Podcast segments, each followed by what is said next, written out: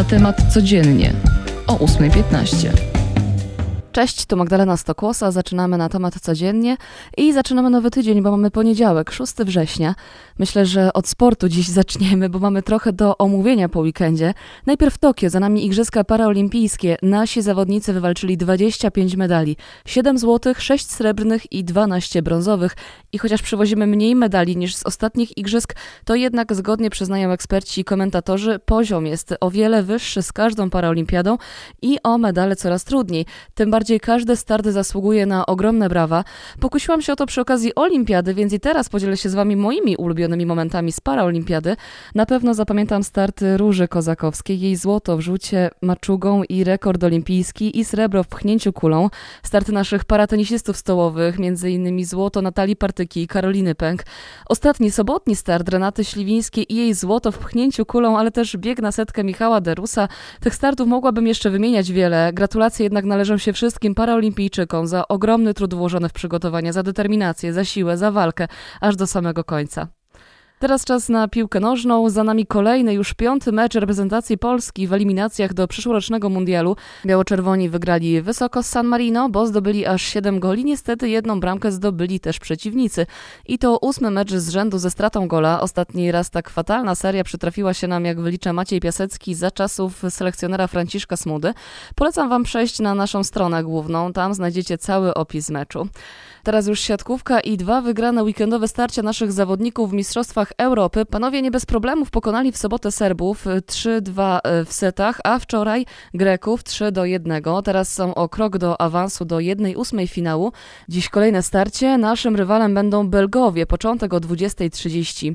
A o 17.00 na kortach w Nowym Jorku zobaczymy Igę Świątek, która zagra o ćwierćfinał wielkoszlemowego US Open.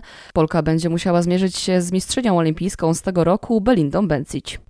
Przechodzimy do polityki. Dziś w Sejmie zbierają się posłowie. Na specjalnym posiedzeniu będą debatować w sprawie wprowadzonego na granicy stanu wyjątkowego.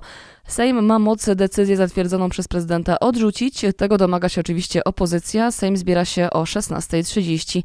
A z danych Straży Granicznej wynika, że no nie jest spokojnie. Wczoraj służby udaremniły ponad 120 prób nielegalnego przekroczenia granicy z Polską. W sobotę było ich jeszcze więcej, około 200.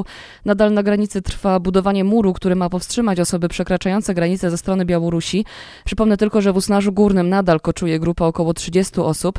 Tymczasem Wojsko Polskie rusza na Podkarpacie, gdzie przygotowywać się będzie do manewru w Ryś 21 w Nowej Dębie.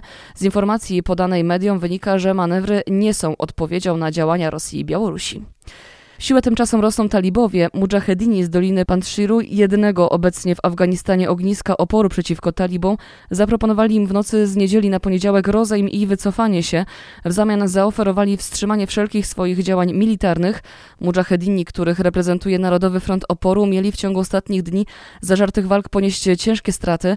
Talibowie twierdzą, że te rejony są pod ich kontrolą. Takim doniesieniom zaprzeczają Mujahedini. Jak podkreśla agencja informacyjna AFP, komunikacja z Doliną jest bardzo utrudniona i dlatego nie sposób zweryfikować doniesień na temat panującej tam sytuacji. Tymczasem w Gwinei doszło do zamachu stanu. Dokonali tego oficerowie wojsk specjalnych. Prezydent Alfa Conde został aresztowany. Dziś w stolicy kraju ma odbyć się spotkanie zamachowców z ministrami ustępującego rządu i prezesami najważniejszych instytucji państwowych. Gwinea od miesięcy znajduje się w kryzysie politycznym i gospodarczym. Tam napięcia społeczne wzrosły po objęciu e, na trzecią kadencję urzędu prezydenta przez Conde. Jego kontrkandydaci zarzucili mu oszustwa wyborcze. Zamach stanu został potępiony m.in. przez Unię Afrykańską, która żąda od wojskowych natychmiastowego uwolnienia prezydenta. O to samo apeluje ONZ. Wracamy do kraju. W Bieszczadach rozkwitły nieco później niż rok temu zimowity. Zwiastują one jesień, a wyglądem przypominają krokusy. Można je podziwiać w dolinach Pogórza Przemyskiego, w Bieszczadach oraz w Beskidzie Niskim. Aktualnie są w pełni kwitnienia. Na koniec jeszcze coś bardziej optymistycznego, myślę. Zapowiada się piękny poniedziałek, pogodowo oczywiście, i to w całym kraju. Będzie pogodnie bez opadów z temperaturą maksymalną do 23 stopni. Zachmurzenie będzie umiarkowane, a to oznacza dużo słońca. No i to można zaczynać kolejny tydzień. Tym pozytywnym akcentem się z Wami żegnam. Magdalena Stokłosa. Dzięki i do usłyszenia jutro. Cześć.